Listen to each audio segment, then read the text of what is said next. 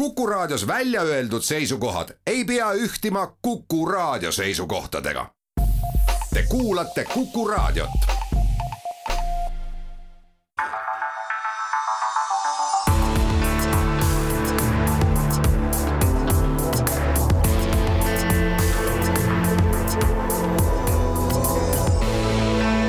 olukorrast ajakirjanduses tere kuulama saadet Olukorrast ajakirjanduses. vanamehed viinavabriku kõrvalt Rein Lang ja Väino Koorberg on kohad sisse võtnud ja alustavad oma igaesmaspäevaseid targutusi.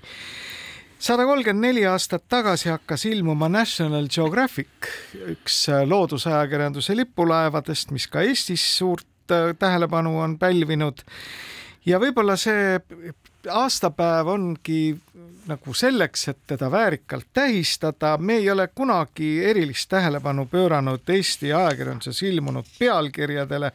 Nendest saaks muidugi eraldi saate. kas sa oled midagi märganud? teeme täna väikese erandi National Geographicu aastapäeva puhul. Delfis viieteistkümnendal oktoobril ilmus pealkiri bioloog pidin toolilt maha kukkuma, kui esimest korda pardipeenist nägin. no mina leidsin ikkagi selles mõttes, mulle tundus, et ajakirjandus millegi muuga ei tegelenud eh, sellel ajal, kui ta parajasti Urmas Sõõrumaad ei pildistanud, et siis eh, kui arutas selle üle, et miks armunud Brigitte Susanne Hunt eriti eredalt särab ja vastus tuuakse ka ära, äkki ma olen lihtsalt kaine ja tõepoolest jah, väga tähtis, aga hüva kalambuurid kalambuurideks. no aga tegelikult... täna kaheksakümmend neli aastat tagasi hakkasid muide Eesti Päevalehed hommikuti ilmuma, ilmuvad veel tänaseni, kas sa kujutad ja, seda? ja muide, Rein Veidemann saab täna seitsmekümne kuue aastaseks, palju õnne. hüva, aga lähme nüüd tõsisemale lainele, meil on neli olulist teemat, Venemaa totaalne sõda, loomulikult LNG terminal Eesti Julgeoleku Patriarhaadi Õigeusu Kirik ja kui aega jääb, räägime natukene ka suurest firmast nimega Trafigura. Rein, sa nii julgelt praegu käisid need teemad välja, et, et võib-olla siis peab raadiokuulajale reklaamiks ütlema, et, et et kui hästi läheb, et meile selle rubriigi, sellest me ei jõudnud saates rääkida, et, et selle jaoks on meile isegi lisaaega antud, et, et siin Kuku raadio programmis on aeg-ajalt väikesed kusagil augukesed tehtud, kuhu isegi meie võime ennast sisse pugeda, nii et kuulake raadiot ja siis te saate kui, teada. kui kuidagi enam teistmoodi ei saa, siis meile on eraldatud ka aeg öösel kella kahest kolmeni.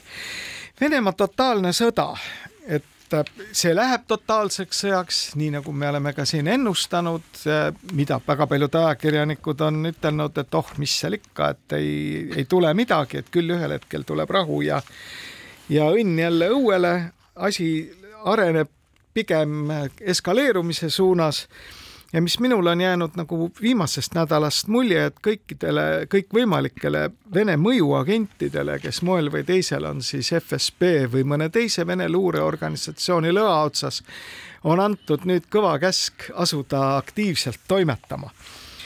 Ja sellega on seotud kõikvõimalikud huvitavad operatsioonid, noh, hea küll, me ei taha siin hakata võtma kindlas kõneviisis sõna Nord Streami õhkulaskmise osas aga Taani saar Bornholm oli mõnda aega ilma elektrita igast muid naljakaid juhtumeid vaadata, sünnib. ja kui vaadata Vene meediat, siis jääb mulje, siis jääb ju mulje, et terve Euroopa Liit praegusel hetkel mitte üksnes ei värise külma käes, vaid et nad tegelikult ka ennast ei pese, vaid ainult sügavad. ja absoluutselt, et tasub muide jälgida natukene seda Vene noh, ütleme siis veebiajakirjandust.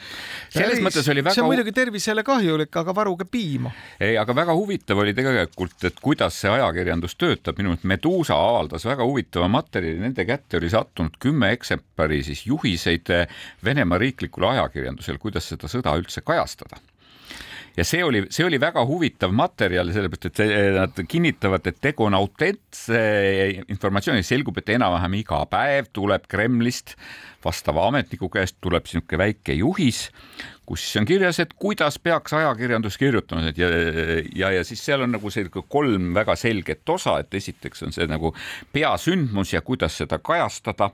no näiteks, et millest, millest peaks ajalehed kirjutama, et siin oktoobri alguses üks näide, mis neil oli, et tuli rääkida siis sellest, tuli rääkida uuringust avaliku arvamuse uuringust, mille järel seitsekümmend viis protsenti vastajatest olid ülirõõmsad selle üle, et uued, uued piirkonnad on Venemaaga liidetud.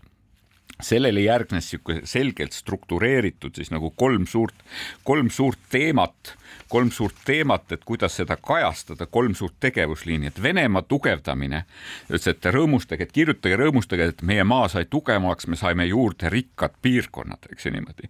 siis kuidas rääkida sõjalisest erioperatsioonist, kuidas kujutada võitu, see tähendab, et rõhuta igal juhul kõike halba, mida Venemaa on teinud Ukrainale, rõhutage seda, kui palju te midagi olete hävitanud ja kolmas väga huvitav nähtus oli siis minu jaoks või väga huvitav teemasuund oli siis see, et uus maailmakord. Täiesti niisugune struktuuriline osa ja see räägib ja seal nagu levitati sõnumit, et endised NSV NSV Liidu liikmesriigid peaksid õppima Ukraina saatusest, peaksid õppust võtma ja nad ei tohiks rikkuda oma suhteid Venemaaga ära, et vaadake, kui halvasti näiteks praegu Moldoval läheb. ja sellele lisaks siis nagu äh, tuli selle metoditška ehk selle metoodilise juhendi neljas või kolmas osa, mis räägib sellest, millise tooniga rääkida, millise tooniga ajakirjandus rääkida ja milliseid tundeid inimestes esile kutsuda. ja see oli väga huvitav, et, et seal pandi tähele, et see et need tunded on ka muutunud, et kui varem sõjast rääkides ja ja äh, räägiti sellest, et see annekteerimine võiks äh, venelastes esile kutsuda niisugune ühtsustunnet või, või, või ühistunnet, siis nüüd äh, pärast Krimmi, Krimmi silla õhku laskmist, et see enesekindlus ja uhkus tundena selles metoodilises juhendis on asendatud sõnaga lootus ja märgatakse seda tooni muutust, et nüüd nagu tuleb inimestes lootust kuidagi eriliselt rõhutada. nii et miski ei ole juhuslik. seesama Medusa tuli läinud nädalal välja veel ühe väga olulise teadaandega. Nad väidavad nimelt seda, et nende käes on materjal, mille autentsuses nad ise ei kahtle et Venemaa poliitika peatähelepanu on täna suunatud vaherahule et igal juhul maksku, mis maksab, saavutada mingisugune vaherahu Ukrainas, mis siis, mida saab müüa kui hea tahte ja see annaks võimaluse siis kolme-nelja kuu jooksul esiteks oma kahuriliha elementaarsel moel välja õpetada, viiekümnendate aastate tankid õlitada ja pesumasinatest saadud kiipidega natukene rakette toota, et siis talvel uue vuhinaga peale tungida. ja mida Medusa väidab, ongi see, et tegelikult see on selline noh, nagu petekas et teha, sundida mingite trikkidega nüüd äh, läänt vahendama seda Ukrainaga tehtavat vaherahu, mis on petukaup, et siis äh, valmistuda mingisuguseks järgmiseks ofensiiviks. no aga Venemaal kõik need rahuläbirääkimised, minu meelest ka need, mida kevadel seal äh, peeti, et kõik need olid nagu tundus petukaup, aga, aga see, et asi oli, et asi oli nagu kuidas ütleme, väga teravalt päevakorrast, et mäletate, et ega proua Matvienko oli valmis ju sealsamas kohe kusagil, et istume kohe laua taha ja teeme selle rahu valmis, eks ju. ja ega meil puudub muidugi nüüd äh, parlamendi esindajad. siin nii, nii teave kui ka võime, eks ole, arvata nüüd, kas see Medusa materjal on autentne või on see niisugune väljamõeldis või isegi mingisugune vene luurekeeles öeldud aktiivka aga see kuidagi on väga tõepärane et äh, ka mina olen mõelnud just nendes kategooriates, et venelastel oleks praegu igal juhul tarvis mingisugust väikest hingetõmbeaega, sest äh, et ennast koguda ja siis uuesti nagu täiemahuliselt peale lennata. Ja noh, selline hirmuõhkkonna loomine nagu võtta elekter ära näiteks ühelt Taanile kuuluvalt saarelt või teha mingisugune sigadus kuskil mujal, see on, sellisel juhul muutub see äärmiselt loogiliseks, see käitumine. no need uudised tegelikult ka tsementeerivad, tsementeerivad seda metoditškas või metoodilises juhendis toodud no. asjad, Euroopal ei ole võimalik ilma Venemaa abita seda talve üle elada, eks. nojah, ütleme, ma kardan, et seda, seda nagu seda on keeruline müüa. seda müüakse tegelikult Vene nagu siseriiklikus tarbimises väga korralikult. ja, aga ütleme, et lääne inimestele seda on täna vist ikka üpris keeruline müüa, et nüüd eh, nad hakkama ei saa ilma Venemaata aga jällegi hirmuõhkkonna loomiseks ja selle kaudu aktiviseerimiseks, mingite poliitiliste jõudude aktiviseerimiseks, see kõlbab küll. ja hea näide oli ju ka Eestist, minu meelest täitsa õpiku näide. kui üks partei eh, au, auesimees või mitte auesimees, vaid kaasesimees vist, Mart Helme, teatas, et ohoo, et kohe-kohe-kohe Venemaa kogub ennast, järgneb uus rünnak ja temale sekundeeris siis tema poeg, kes teatas, et kui tema võimule saab, tühistab ta kõik määramised ja algatab Eesti kaitseväe juhataja suhtes kriminaalasja. see muidugi oli kõige õigem koht, kuhu suunata teravik absoluutselt, need abi tuleb ikka sealt, kus sa seda kõige vähem ootad, aga teeme meie siinkohal väikese pausi.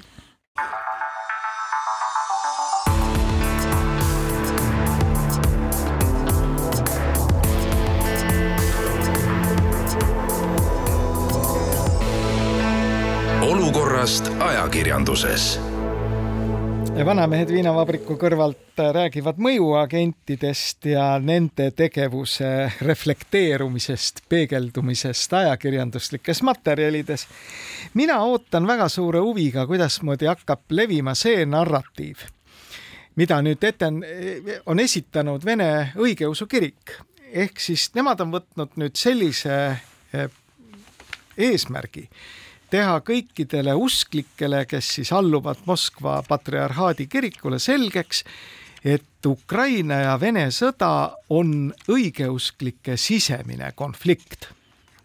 sisuliselt tegemist sellise kodusõjaga, kuhu loodetakse, et lääs ei sekku ja kui nad sekkuvad, siis see on paha, paha, paha. no jälle, kas see narratiiv on mõeldud ikkagi siseriiklikuks tarbimiseks, sest mulle nagu tundub, et Ukraina õige, õigeusu kirik nagu seda narratiivi kuidagi alla ei neela, minu meelest nemad, nemad ikkagi e-, eraldusid juba selle sõjakonflikti puhkedes, oli see, oli aeg, kui patriarh Kirill väga koledasti kartis õigeusu kiriku kirikukogu ja lükkas seda järjest edasi, et, et kuidagi seda äh, lõhe, lõhestumist või eraldumist nagu kuidagi edasi lükata, aga et, et kas see praegusel hetkel, kas see on mõeldud siis nagu vene inimeste mobiliseerimiseks või milles, milles idee võib olla? ma mõtlen, et see on ikkagi mõeldud äh, kaheseks kasutamiseks, ühelt poolt kindlasti selliseks siseriiklikuks õigeusklikele mõeldud äh, narratiiviks. sest et noh, et, et kas see peaks nagu kuidagi toetama seda, no umbes samamoodi nagu, nagu neid moslemeid saadetakse seitsme neitsiga või kümne neitsiga äh, perspektiivi näidates, eks ju, saadetakse e-, enesetapurünnakuid äh, sooritama, et kas täpselt samamoodi siis selle idee võiks olla, et, et Vene õigeusu kirik ütleb, et, et no nii nagu vist äh, kordab teiste sõnadega seda, mida Putin ütles, et, et, et meie satume paradiisi, aga nemad lihtsalt kärvavad. võimalik aga ma kujutan ette, et leidub nüüd kindlasti ka neid, kes hakkavad eh, ütlema, et ohoo, nüüd ongi tekkinud nagu huvitav võimalus meil sellest supist välja tulla. et las need õigeusklikud klaarivad omavahel, mis see nagu meie asi on ehk siis mida üritatakse saavutada, on kindlasti lääne ajakirjanduses selliseid seisukohavõtte, mis omakorda mõjutavad ju teatud poliitilisi jõude, et see pole meie sõda. Et miks meie vaesed itaallased, näiteks Sardiinias, kes me olime harjunud äh, teenindama neid Vene oligarhe, neid Porschedega sõidutama, neile toitu ette kandma, nüüd oleme ilma tööta, miks meie peame kannatama? Või siis see Eesti narratiiv, mis on väga tugevalt praegu esile võetud ühe poliitilise jõu poolt et miks meie peame kannatama kõrget elektri hinda sellepärast, et venelased ja ukrainlased omavahel sõdivad. et see pole meie asi. no ja see on muidugi. meenutame, mis pühapäeval öeldi, et mitte Putini sõda ei kergitanud elektri hinda, vaid elektri hinna lõi lakke Ursula von der Leyen koos Kaja Kallasega no ja vaata, ma tahaks, ma tahaks sinuga nõus olla, aga ma paraku, paraku ei saa sinuga selle koha pealt absoluutselt nõus olla, sest et, et kogu selle kogu selle, ütleme niimoodi mõjuagentide paradigma juures tahaks öelda, et, et kõige hullem on siis, et kui selle, ka selle niinimetatud mõjuagendi paradigmaga hakatakse siseriiklikult igale poole lajatama, eks ju, et ilma, ilma nagu olulise, ilma olulise võib-olla nagu põhjus ja tagamõttega ja seda poliitilises, poliitilises kultuuris väga sageli tehakse, et aga, aga praegusel hetkel, et noh, et me ei saa ju nagu öelda, et üks-üheselt ma nüüd olen võib-olla nagu ajangi Kremli narratiivi, me ei saa üks-üheselt öelda seda, et, et Nord puhul töötab väga hästi, eks ju, tähendab meie see energia üleminek rohele, roheenergiale ja taastuvale energiale on läinud ludinal ja lõbusalt ja Eestis on tuulikud, eks ju, niimoodi eh, viimase kümne aasta jooksul kasvanud nagu seened metsas, eks ju, ja et ainult, ainult see sõda oli see, mis meie olukorra nässu keeras, et, et minu meelest siin on ka tegu liigse lihtsustamisega. Absoluutselt, aga vaata, siin ongi nüüd nagu see, siia ongi see koer. et kus nüüd on, et kumb meil, kumb on, kumb meist on mõjuagent, ma tunnen, ma juba, ma juba nägin kergelt nagu põlastavat pilku Reinu silmis. minu arust küsimus on selles, et üleüldiselt loodetakse seda, et töötavad lihtsad narratiivid, ülilihtsad narratiivid. valige meid võimule, me anname teile odava elektri, on kõige no, lihtsam kõige vapustavam äh, sõnum tuli minu meelest jah, ikkagi nüüd äh, kelleltki kodanik Karilaiult, kes pool teatas, et tasuta. pool elektrit ilma rahata. et see on nagu jõutud teatavasse nagu äärmusse, no et puud ja kartulid juba on, nüüd on ka pool elektrit ilma rahata, aga no hüva, las see jääb tema südametunnistusele aga just see niisugune teatav pööre, minu arvates see siiski on teatav pööre no,. et kui sa võtad jah, võtad on... selle narratiivi, et õigeusklikud omavahel klaarivad mingisugust värki, et miks meie peame sellisel juhul kannatama seda kõrget elektri hinda või kõrget kütuse hinda, et pole nagu väga meie teema ja kas see upub nagu Lääne-Euroopas inimeste teadvusesse, kui seda piisavalt lihtsalt ja atraktiivselt Mikki Hiiri, Hiire moel esitada? see on nüüd see miljoni dollari küsimus. mina julgen väita, et ega ikka ei upu küll et tegelikult see informatsioonitulv, mis ka sellest sõjast on Lääne-Euroopa kodanikeni jõudnud koos kõikide nende piltidega Butšast ja kust iganes, on teinud juba oma töö et nüüd hakata rääkima mingisugusest sellisest ideoloogilisest arvete klaarimisest, mille keskmes on Jumal et noh, seda on ikkagi väga raske tegelikult maha müüa. ehkki muidugi mingi osa inimesi kindlasti selle omaks võtab no, aga meelest, see ei ole väga suur. minu meelest on nagu kaks asja, et ühtepidi, eks me peame nagu vaatama, et kas me vaatame nagu siis seda Vene õigeusu kirikut kui nähtust, eks ju, või me räägime seda, et mis selle Vene õigeusu kiriku sees on, et me ei saa ju tegelikult, me ei saa eitada, et vene inimesele õigeusu kirik mingis mõttes on, mängib tema olulist rolli, e, eriti noh, pärast seda Eh, Nõukogude Liidu laiali lagunemist kuidagi see usklik, usklikkuse tõus või, või, või, või suur oli, oli nagu korralik, eks ju, me saame vaadata, aga me peame vaatama, mis juttu ajavad papid kirikus. Ja noh, tõesti, et me peame vaatama patriarh Kirilli avaldusi, eks ju, eh, kus ta sisuliselt lubas pat-, kõikide pattude and, andeks andmist nendele, kes aga ukrainlaste pihta tuld annavad, eks ju, mis nagu õigeusu nagu üldiste põhimõtete seisukohalt ei saa vist nagu õige olla, eks ju, nii et, et see on üks asi. Ja noh, teine asi on tõesti see, et mis juttu, et ühtepidi, et see ei erine oluliselt sellest jutust, mida tüüpiline propagandist Venemaa nagu selles zombikastis või telekas, eks ju, räägib aga teine asi on see, et näiteks, et tõepoolest, et siin Eestis, mis juttu räägitakse selles samas Vene õigeusu kirikus, mida me siit Kuku raadio aknast vaadates alati näeme ja mille mi,, mida nähes Reinule alati silmad särama lähevad. ja ma, ma vaatan, et kui sellesse kohta, kus ma praegu istun, panna Mägi suurtükk, siis õnnestub pihta saada küll. aga hüva, aga, aga, no, aga selle, sellest nädalast on meil ju ka Postimehes ilmunud arvamusartikkel Kadri Baasilt, kes nüüd on kes on nüüd maandunud äh, poliitilises jõus nimega Eesti kakssada. seegeldes vahepeal ka teistes äh, poliitilistes jõududes. jah, Kadri Paas on jõudnud olla mitmes erakonnas vist juba ja tema avaldas arvamusartikli, kus ta kutsus üles lõpetama Kremli allorganisatsiooni tegevuse Eestis ehk et Moskva patriarhaadile alluva Vene õigeusu kiriku üldse kinni panema. minu arvates väga tähelepanuväärne on see, et Postimees selle loo avaldas sest äh, see Moskvale alluv õigeusu kirik on vaieldamatult Eestile probleem. Ärme unusta, et seal on sada seitsekümmend tuhat usklikku inimest, kes järgib nii-öelda seda usutunnistust. see on, oli ja tõenäoliselt mõneks ajaks ka jääb veel vähemalt Venemaal väga selgelt Venemaa ehk Kremli poliitiliseks käepikenduseks tegemist on Vene maailmaga ehk selle Russki Mirri eh, ideoloogilise keskusega, mõjutusorganisatsiooniga ja ka luureorganisatsiooniga, kus on täis igasuguseid mehi, kes tegelikult äh, siis papirüü all kannavad mikrofoni ja, ja kaamerat. ja neid ei ole üksnes Eestis, et Venemaal ma just juhtusin nägema, et seda, et kuidas papirüüd kandev mees äh, üritas mingis, tulistas tank, eh, kõigepealt lõi risti ette ja siis hakkas tulistama tankitõrjerelvast, eks ju, rõõmsalt, eks ju, see oli nagu suhteliselt veider vaadata. no ma arvan, et Eestis tegelikult ei ole neid naiivseid inimesi just ülearu palju, kes arvavad, et tegemist on sellise klassikalise usuorganisatsiooniga.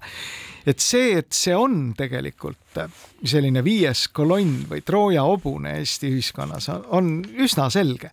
nüüd on küsimus, mida sellega ette võtta? no kui Kadri baasilikult öelda, et paneme kiriku kinni, eks ju, siis, siis kas see lahendus nagu viiks meid kuidagi edasi? ütleme nii, et kui sa üritad ameeriklasele seletada niisugust asja, et me hakkame keelustama mingit usulahku, siis ameeriklane ei saa sellest no mitte mingitel tingimustel absoluutselt midagi aru ja tõenäoliselt on seda keeruline seletada ka isegi eurooplastele, kes on, kelle ajalugu on täis erinevate usulahkude keelustamist ja ususõdasid. aga täna ma kardan sellega mõistmist leida võib olla pisut keeruline, aga teeme selle koha peal väikese pausi ja siis räägime sellest õigeusu kirikust edasi.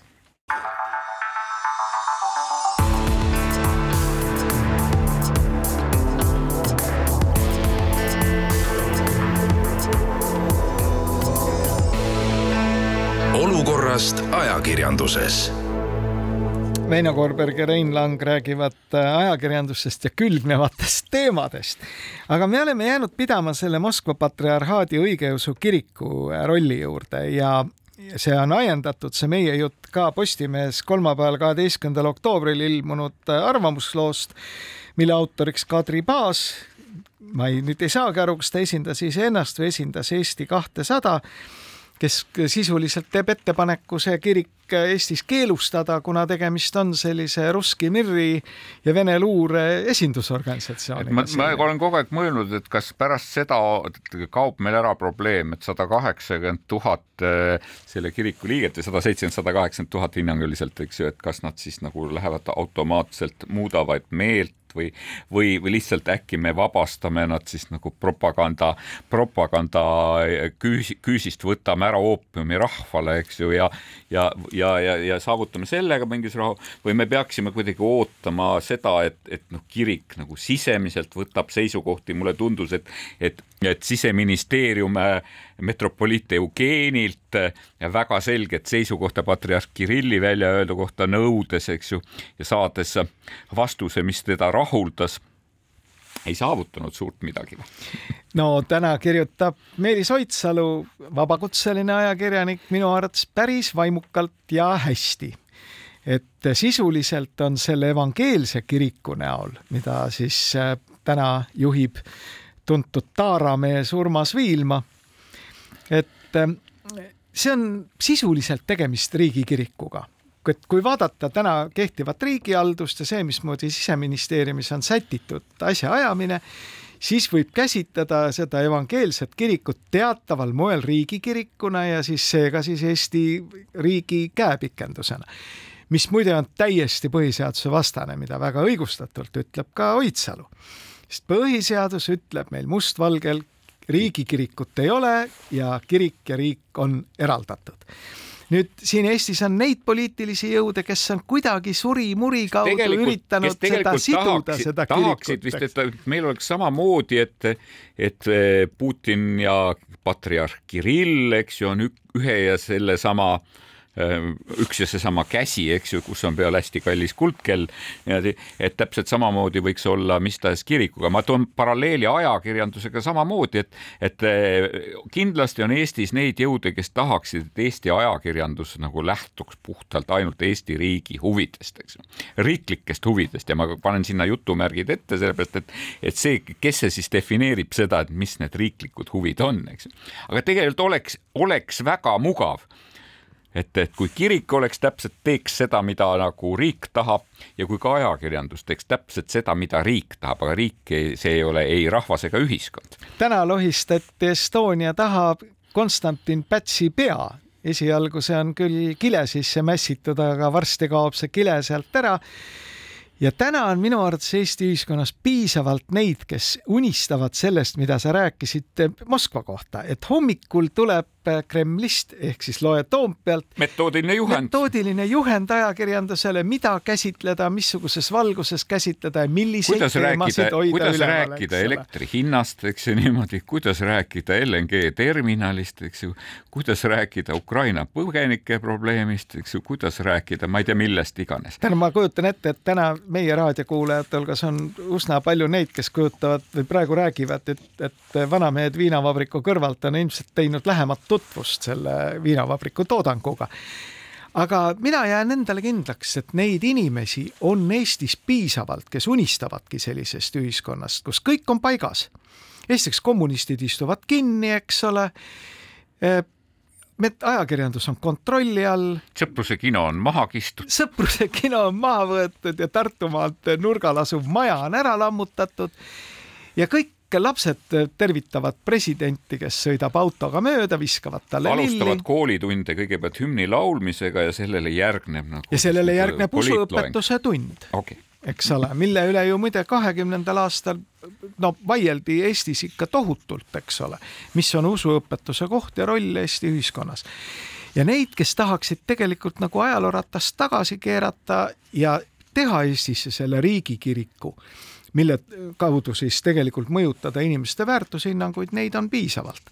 ja nende mõtteviis kanaliseerub ka täna Eesti erakondadesse. naiivne oleks seda mitte tähele panna nii et ma kujutan ette, et need inimesed, kes on, satuvad vaimustusse sellest evangeelse kiriku riigikiriku staatusest, kirjutavad kahel käel alla ka ideele hakata ahistama siis Moskva patriarhaadi õigeusu kirikut nüüd lootuses, et lambukesed siis, kes jõumeetodil, kes mingi veenmise kaudu tulevad siis nagu öeldakse üle. tule ja mõõgaga või, või siis kui mitte evangeelsesse kirikusse, siis vähemalt sellesse Konstantinoopolile alluvasse Eesti apostliku õigeusu kirikusse, mille usutunnistuse järgi loendatakse Eestis kuskil kolmekümne tuhande ringis.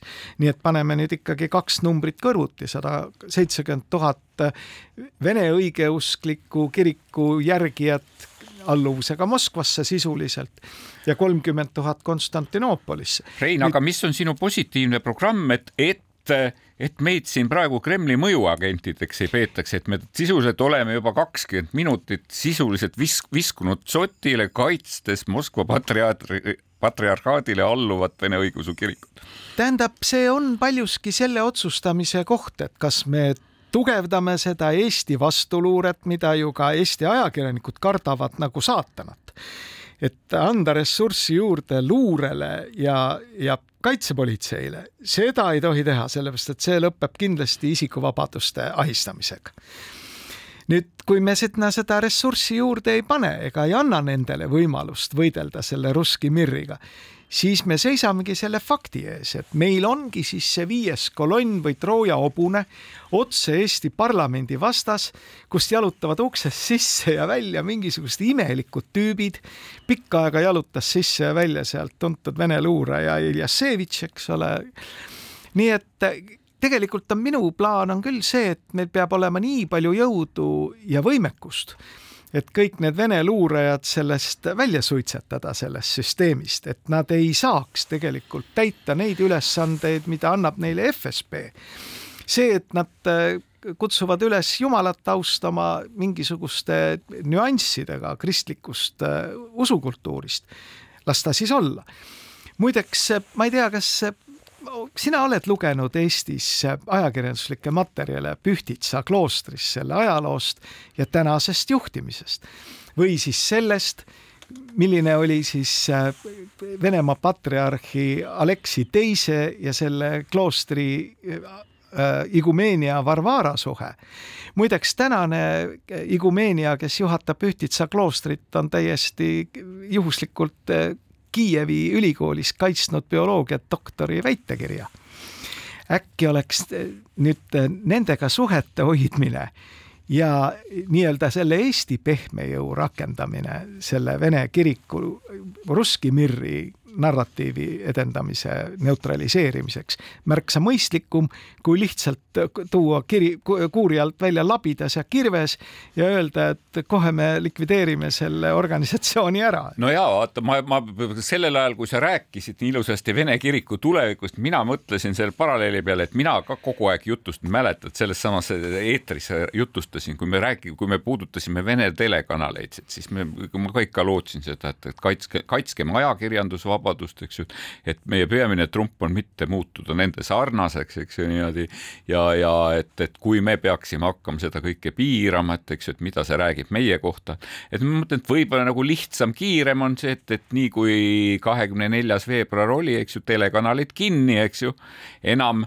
ük, mitte üks sai enam, kes tahab, see kusagilt pragude vahelt uurib seda, seda, mida Kisseljov ja Solovjov ütlevad, aga, aga põhimõtteliselt, et, et see on ka nagu üks osa, et kuidas takistada seda propagandat, et võib-olla Kadri baasil on õigus, et paneme kiriku kinni no vaata, see ongi see Oma. konks, et minu meelest sulgeda tuleb need kanalid, mis õhutavad sõda või kutsuvad üles vägivallale no,. ma ise pakkusin ju seda propaganda teemat meile tänaseks. minule et... meeldiks väga, kui Narva jõge pidi antakse ühe otsa pilet nendele ka õigeusu preestritele, kes täites nüüd Kremlist hommikul saabuvat metoodilist juhendit, lähevad oma koguduse ette ja hakkavad midagi sonima seal sellest, kuidas ukrainlasi hakkab, tuleb tappa aga see, et lihtsalt ütelda lihtsalt no niisuguse ülilihtsustatud äh, lahenduse väljapakkumisega, et lõpetame selle kiriku tegevuse ära, siis äh, ma kardan, et seda nagu seletada meie liitlastele, eriti ameeriklastele, kelle konstitutsiooni esimene muudatus ütleb üheselt, et mingit seadust, mis takistab usuvabadust, Ameerika Kongress kunagi ei tee.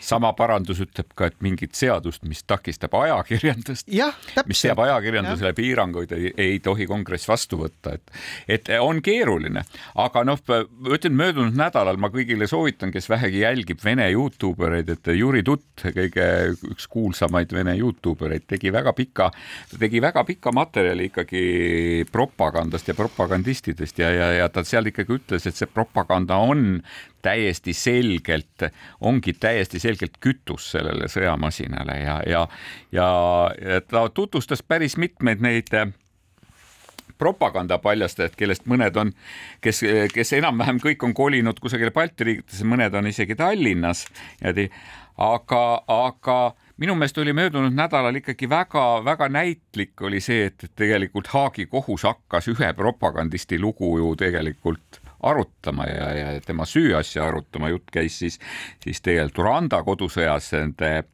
hutude äh, äh, metsikusi taga õhutanud raadiojaama omanikust Felicien Kabugast kes on olnud mingisugune peidus mitukümmend aastat, aga, aga kes tegelikult lõi raadiojaama, mis oli väga populaarne, ühtepidi koosnes umbes nii nagu Venemaa televisioon koosnes, eks ju, natukesest uudisest, paljudest vestlusjutu ja propagandasaadetes ja mängis sinna vahele väga populaarset muusikat, nagu keskmine, keskmine raadiojaam, eks ju. ja siis seal nende jutusaadete käigus kirjeldas, kirjeldas siis neid prussakate moodi olevaid tutsisid, kes ei luba hutudel elada lisaks ise samal ajal tarnis kusagilt tuhandete kaupa ka neid matšeetesid, öeldes, et kui te neid prussakaid tutsisid tapate, eks ju, tähendab, et siis tehke seda, et ikka hästi valus oleks, eks ju niimoodi. ja teda ja seda, selle raadiojaama mõju selle sõja käigule ja sellele genotsiidile, mis toime pandi, et seda on tegelikult teadlased uurinud, väga põhjalikult uurinud ja nad on jõudnud selleni, et tegelikult umbes kümme protsenti nendest ohvritest, reaalsetest ohvritest selles genotsiidis, need võib kirjutada ühe raadiojaama programmi arvele, kas sa kujutad ette, et, et siin on, et siin on isegi olnud tõesti Harvardi ülikooli teadlane David Yanagisawa Trott on kaks tuhat neliteist, ta on uurinud seda, et kuidas sõltus see, see genotsiidi ohvrite arv või kus, kui palju kedagi tapeti, sõltus sellest, et kas selles külas oli seda raadiojaama kuulda või mitte. ja ta on ja ta on otsese seosena ja praegu Haagi kohus siis tegelikult nagu äh, mõistabki kohut või arutab tegelikult ühe propagandisti süüasja, et millal meie ükskord selleni jõuame. no aga meenutame ikkagi ka Balkanil toimunut, eks ole, et kui Jugoslaavia lagunes, siis ootamatult ilmusid välja kõikvõimalikud propagandistid Serbia televisioonis, mitte ainult Serbia vaid tegelikult oli neid ka teiste nende Jugoslaavia osariikide telekanalites kes asusid äkki rääkima mingit juttu, et võtke nüüd kõik oma püssid ja hakake naabrimehe pihta tulistama, eks ole. ja kuskil paari kuuga toimus tohutu radikaliseerumine ja algas selline vennatapusõda. nii et ega tulega mängimine, raadiojaam võib tulega mängida küll, aga teeme meie siinkohal väikese pausi.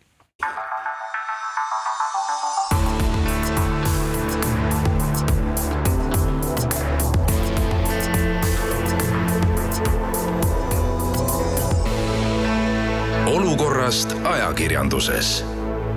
Veena Koorberg ja Rein Lang äh, viinavabriku kõrval targutavad sellest, kuidasmoodi propagandistid võivad ühel hetkel muuta maailma, mis on ju tõsi. halvemaks. ikka halvemaks, et on raadiojaam, mis on põhjustanud genotsiidi Rwandas, olid telejaamad Serbias ja teisteski riikides Jugoslaavia, endise Jugoslaavia territooriumil, mis ootamatult pöörasid natsionalismi usku ja nüüd on telekanalid Venemaal, mis teevad sedasama tegelikult hommikust Hommikul õhtuni, sest et kolme ööpäevaringselt, kakskümmend neli seitse. suurimatel, suurimatel Venemaa telekanalitel saab ikkagi kokku neid samuseid propagandistlikke vestlussaateid, kus näiteks pärast Krimmi silla õhku laskmist kutsuti ikkagi väga selgeks üles andma väga selge hoop Kiievi pihta tapma nad kõik, et see oli täiesti huvitav, et, et needsamad propagandistid hakkasid väga verist vahtu suust välja ajama kohe, et see oli nii et tasub Üllatav. olla ikkagi äärmiselt ettevaatlik. Ja nüüd, mis puutub nendesse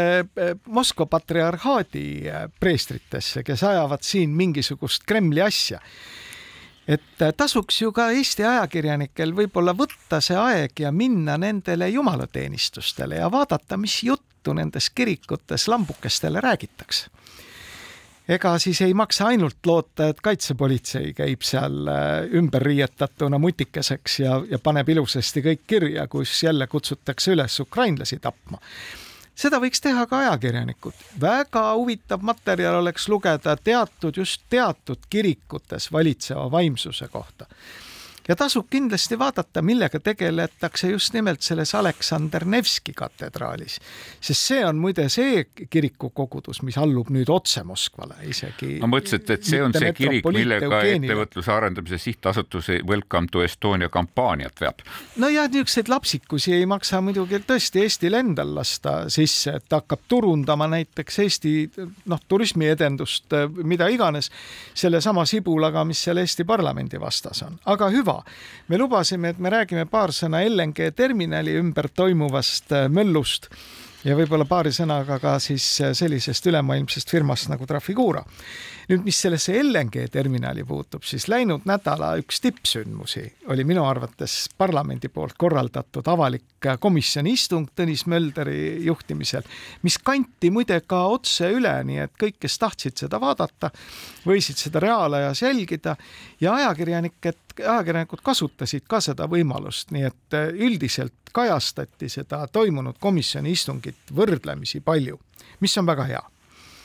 nüüd äh, mis tegi Tõnis Mölder, oli ilusasti kodus valmis kirjutanud siis selle komisjoni lõppjärelduse, mis pidi siis ütlema, et näed, valitsus ei saa ikkagi hakkama ja nüüd vastupidiselt Eesti rahva rahvuslikele huvidele mingi laev läheb hoopiski Soome kai äärde ja see on väga-väga paha.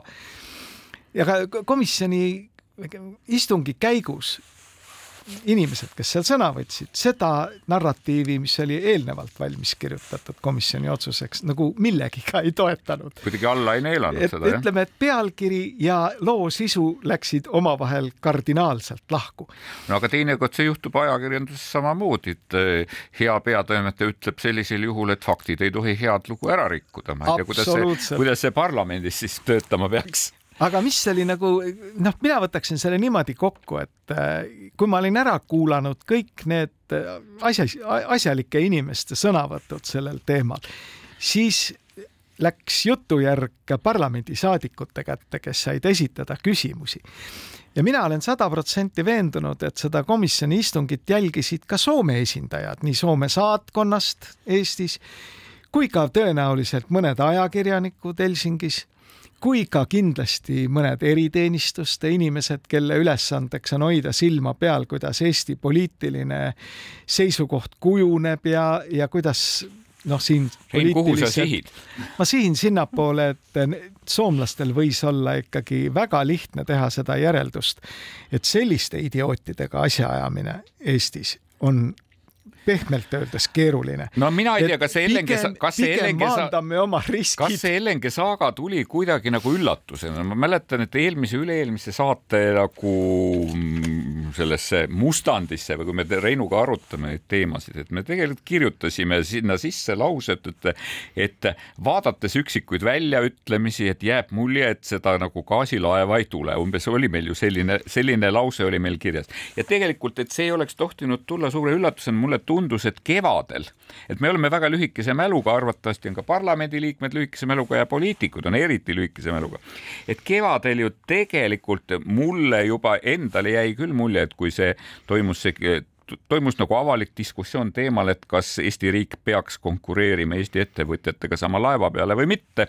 selle üle tegelikult Eesti eraettevõtjatega oma seisukohta välja ütlesid, et juba siis hakkas tunduma, et see asi nagu natukene kergelt äh, nässu ta läheb et läks nagu alati. et läks nagu alati, läks nagu eelmine kord, oleks võinud öelda isegi. nagu me võtame, seame, üritame ennast seada nagu soomlaste saabastesse, eks ole, et kes peavad seisma selle eest, et Soome gaasitarbijad oleks varustatud gaasiga ja siis, kui nad jälgivad seda Eesti poliitilist diskussiooni ja seda, mis avalikkuses üksteise kohta öeldakse ja see, milline on poliitikute arvamus sellest Eesti rahvuslikust huvist, no siis äh, neid võib tabada küll ikkagi selline mõte jah, et, et kuulge, et teeme nüüd ise oma asjad, ajame nüüd ilma nende eestlasteta ära ja et kui need eestlased hätta jäävad, noh, üritame neid siis ehk võib-olla kuidagimoodi nagu ka aidata.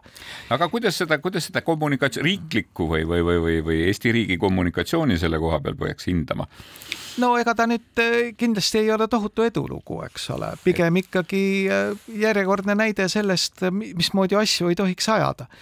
aga no ega see pole veel läbi ju et sellel reedesel komisjoni koosolekul ilmnes ju tohutu konflikt, eks ole, et majandusministeerium Kuidas mõistab asju täiesti teistmoodi kui eraettevõtjad ja eraettevõtjad on nüüd ütelnud, nemad on võimelised oma seisukohta ka dokumentaalselt tõendama ja soovitasid majandusministeeriumi asekantsleril mitte segast peksta, eks ole aga too laseb ikka edasi. eile Aktuaalses Kaameras kinnitas ta veel üks kord, et äh, riik on teinud kõik selleks, selleks, et või riik on käitunud väga hästi, väga õigesti, lähtudes Eesti inimeste tohutust huvist, nii et eh, ma ei tea, millega see asi siin nüüd lõplikult lõpeb. no aga ajakirjandus on seda nüüd, seda teemat tegelikult ikka näppu päris kuumalt peal hoidnud, et ma, peame vist neid lausa kiitma peame küll jah, tähendab seekord ma arvan, et kõik need eh, õnnetud poliitikud, kes üritasid jälle eh, nüüd ratsutada selle mingisuguse Eesti rahvusliku huvi